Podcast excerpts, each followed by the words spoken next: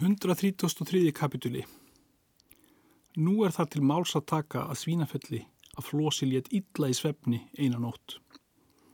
Glúmur Hildisson vaktan og var lengi áður en hann vaknaði. Flósi baðan kalla Ketil úr mörg. Ketil kom þangað. Flósi mælti, segja vil ég fyrir drauminn. Það má vel, segir Ketil. Mig dreymdi það, segir Flósi, að ég þóttumst vera að lóma gnúpi og ganga út og sjá upp til gnúpsins. Og opnaðist hann og gekk maður út úr gnúpinum og var í geithjeðni og hafði járnstaf í hendi. Hann fór kallandi og kallaði á menn mína suma fyrr en suma síðar og nefndi á nafn. Hann kallaði fyrstan grím hinn rauða og átna Kolsson. Þá þótti mér undarlega.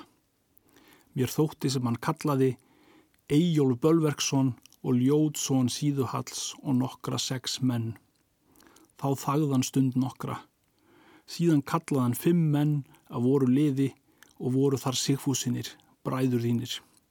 Þá kallaðan aðra fimm menn og var þar lampi og móðólfur og glúmur.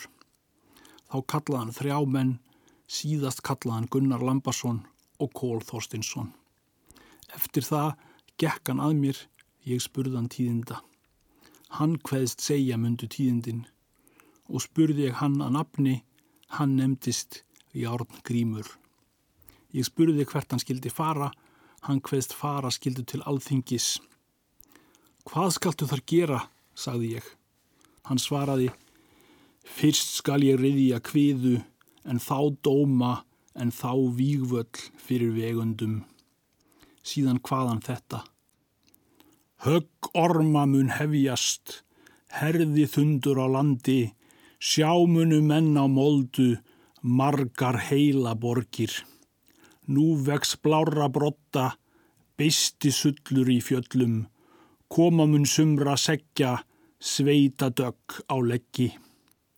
Þá lusta niður stafnum og varð brestur mikill, gekkan þá inn í fjallið, en mér bauð óta. Vil ég nú að þú segir hvað þú ætlar draumin vera. Það er hugbóð mitt, segir Ketil, að þeir muni allir feigir er kallaðir voru. Sýnist mér það ráð að þennan draum segju við engum að svo búnu. Flosi hvað svo vera skildu.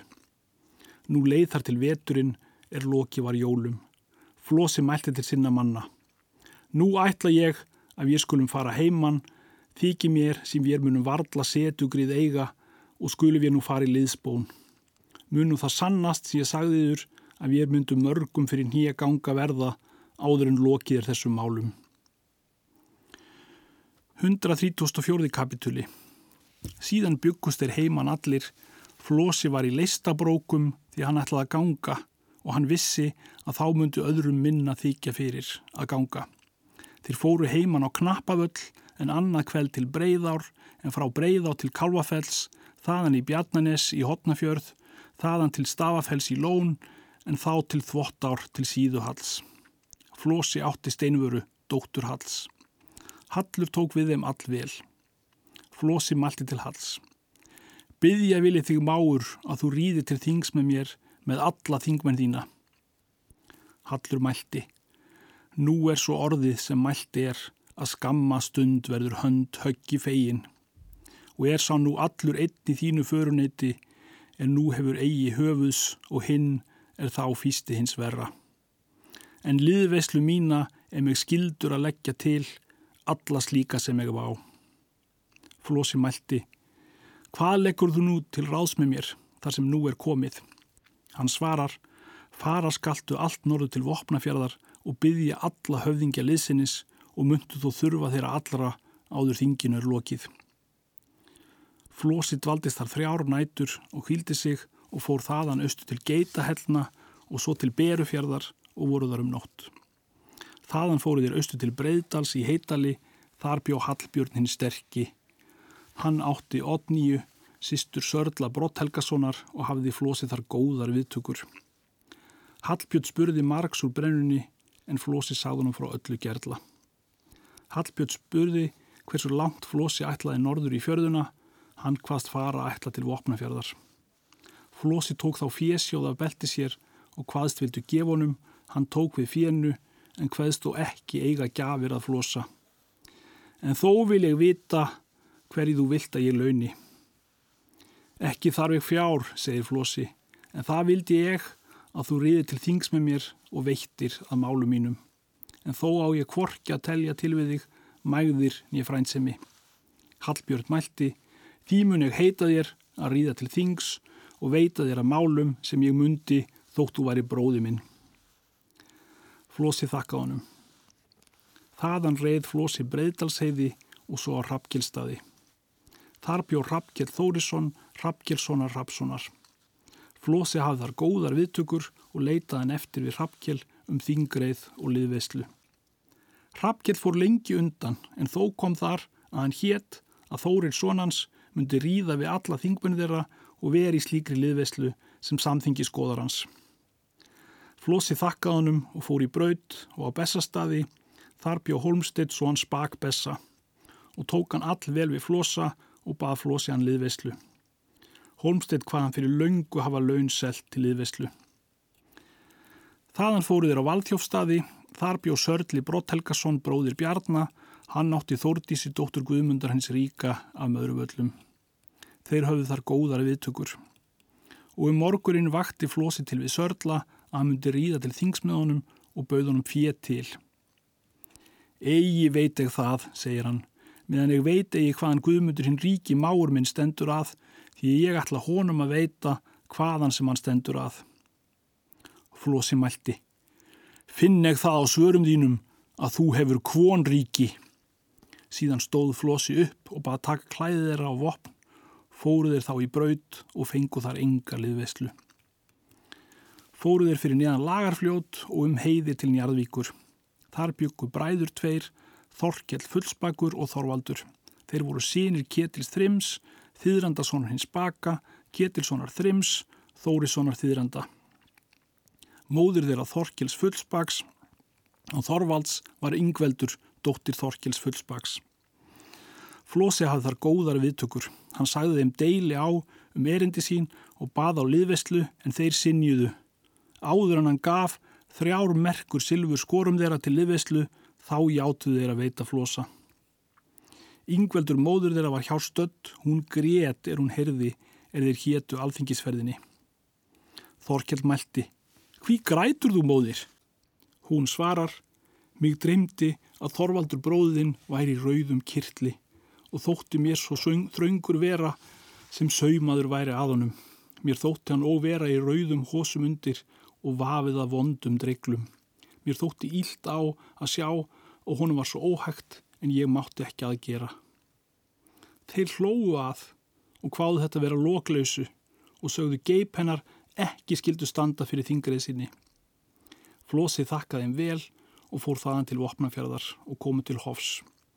Þar bjó Bjarni Brotthelgason, Þorgilssonar, Þorstinssonar hins Kvíta, Ölvissonar, Eyvaldssonar Öksna Þórissonar.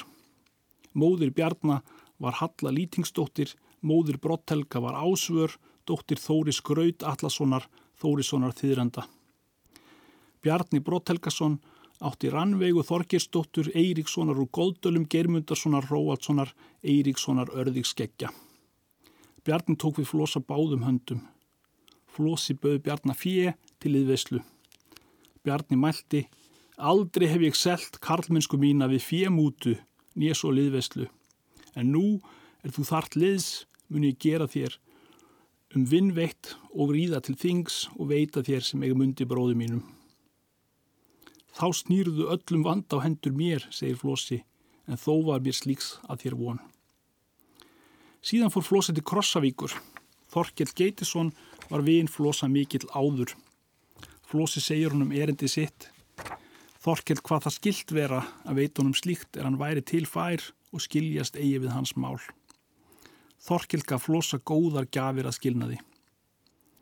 Þá fór flossi norðan úr Vopnafyrði og upp í Fljótsdalsherað og gisti að Holmsteins bakbessasonar og sagði að allir hefði vel staðið undir hans nöðsin nema Sörli Brotthelgason.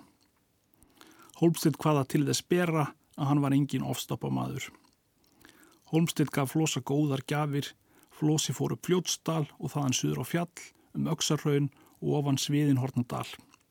Og út með altafyrið fyrir vestan og laug flosi eigi fyrr en hann kom til þvottár til Halls Másíns. Þar var flosi halvan mánuð og mennans og hvíldu sig. Flosi spurði Hall hvað hann leiði til ráðsmjöðunum, hversu hann skildi meðfara og breyta hugum sínum. Hallur mælti. Það ræði ég að þú sért heima við búðitt og sigfúsinir en þeir sendi menn til að skipa til búa sinna. En þér rýðið heima sinni en þá er þér rýðið til þings, rýðið allir saman og dreifið ekki flokkiðurum. Farið þá sigfúsinir að finna konur sínar. Ég mun og rýða til þings og ljótur sónur minn með alla þingmenn okkra og veit að þér liðist líkt sem ég má mér við koma. Flósi þakkaði honum en Hallur gaf honum góðar gafir að skilnaði. Flósi fórða frá þvóttá og er ekki um hans ferð að tala fyrir hann kom heim til Svínafells. Er hann þá heima það er eftir er var vetraðins og sumarið allt til þings framann. 135. kapituli Nú er það til máls að taka að Kári Sölmundarsson og Þórhallur Áskrimsson riðu einhver dag til Mósfells að finna gissur hvita. Hann tók við þeim báðum höndum og voru þeir þar mjög langar hýð. Það var einhverju sinni þá var þeir töluðum brennun í áls að gissur hvað það vera mikla giftu er Kári hafði braud komist. Þá varð Kára vísa á munni. Hjálm skassa fór hessir, herði meður af reyði, út úr elri sveita, ófús nýjals húsa, þá er eld gunnar inni, óðrunnar þar brunnu, menn nemi mál sem ég inni, mín harmsakir tínum. Þá mælti gissur. Vorkun er það að þér sé minnisamt og skulum við nú ekki um tala fleira sinni. Kári sagði að hann ætla þá heima ríða. Gissur mælti. Eg mun nú gera mér dælt um ráðagerð við þig. Þú skalt eigi heim ríða en þó skaltu nú í braud ríða ef þú vilt. Þú skalt allt austur í holt ríða undir eigafjöll að finna þá Þorgir Skorageir og Þorleif Krák. Þeir skulu ríða austan með þér því að þeir eru aðiljar sakana. Með þeim skal ríða Þorgrimurinn mikli bróðu þeirra. Þér skulu ríða til Marðar Valgarssonar, skaltu segja honum orðminn til að hann taki við víksmáli eftir helga og hendur flosa. En ef hann mælir nokkur orði í mót þessu, þá skaltu gera þeir sem reyðastan og lát sem þú munur hafa öksi í höfði honum.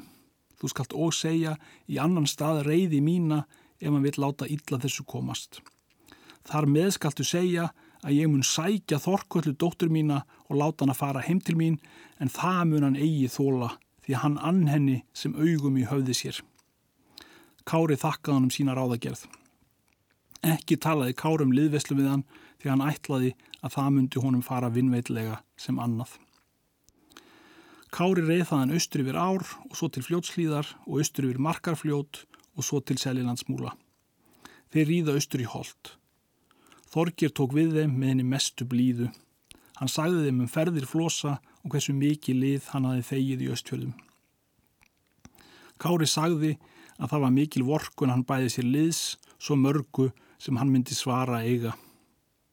Þorgir mælti. Því betur er þeim fer allt verð. Kári segir Þorgeri tillegur gissurar. Síðan riður austan á rángarvöllu til Marðar Valgarssonar, hann tók við þeim vel. Kári segir hann um orðsending gissurar kvíta, máksans. Hann var heldur erfiður. Torveldar að hvaðan að sækja flosa einn en tíu aðra. Kári mælti. Jamt fer þér þetta sem hann ætlaði því að þér eru allir hlutir illa gefnir er þú ert bæði hrættur og huglaus. En það skal það á bakkoma sem þér er maglegt að Þorkalla skal fara heim til föður síns.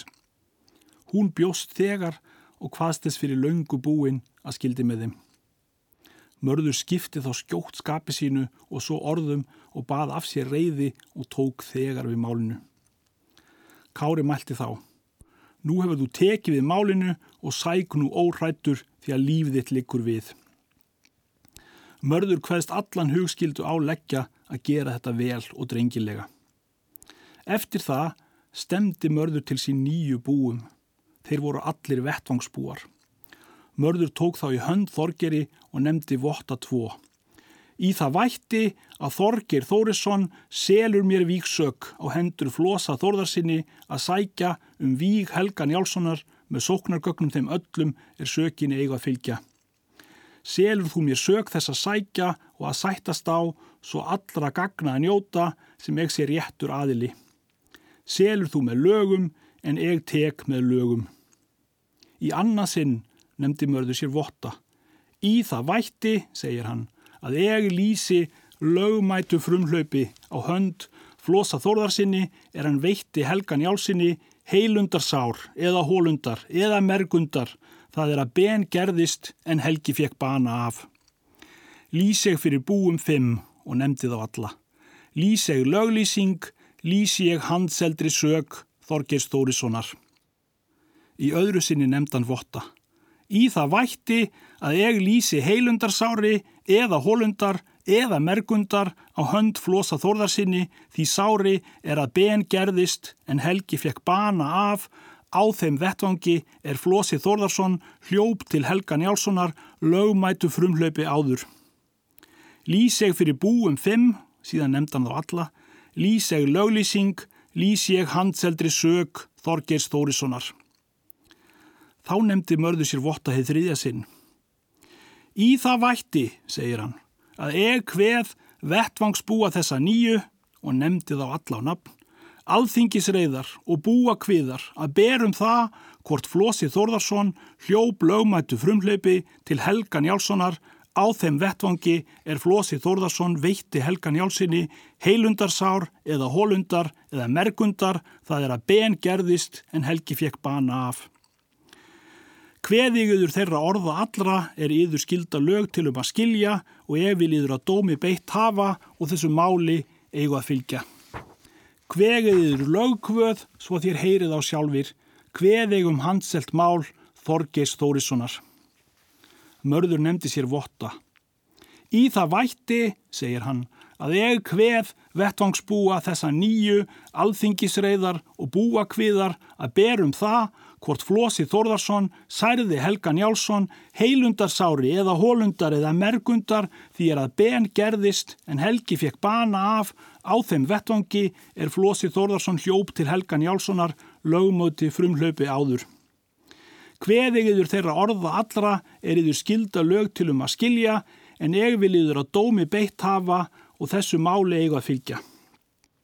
Hveðigiður lögkvöð hveðeg svo að þér heyrið á sjálfur, hveðeg um handselt mál Þorgeir Stórissonar. Þá mælti mörður.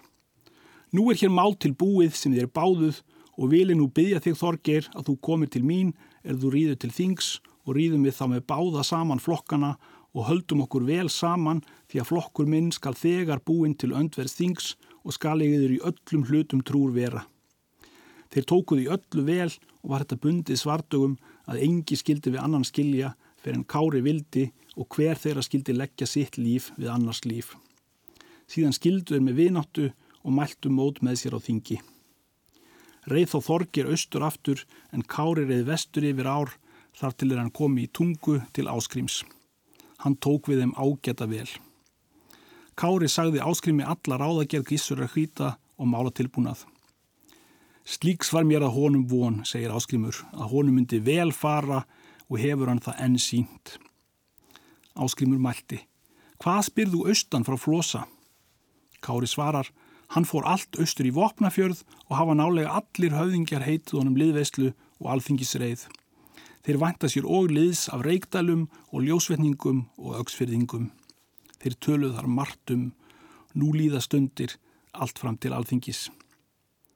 Þórhallur Áskrimsson tók fótar minn svo mikið að fyrir ofan ökla var fóturinn svo digur og þrútin sem konur lær og mátt hann ekki ganga nema við staf. Hann var mikill maður vexti og rammur að afli, dökkur á hár og svo að skynslit, vel orðstiltur en þó bara áðskapaður. Hann var hinn þriðji mestur lögmaður á Íslandi. Nú kemur að því að menn skuli heimann ríða til þings, áskrifur mælti við kára. Þú skalt ríða til öndverðs þings og tjálta búðir vorar og með þér þórhallur són minn, því að þú munt best og hólegast meðan fara er hann er fótmeitur. En við munum hans mest þurfa á þessu þingi. Með ykkur skul og ríða 20 menn aðrir. Eftir það var búin ferðera og riðuðir síðan til þings og tjölduðu búðir og byggust velum.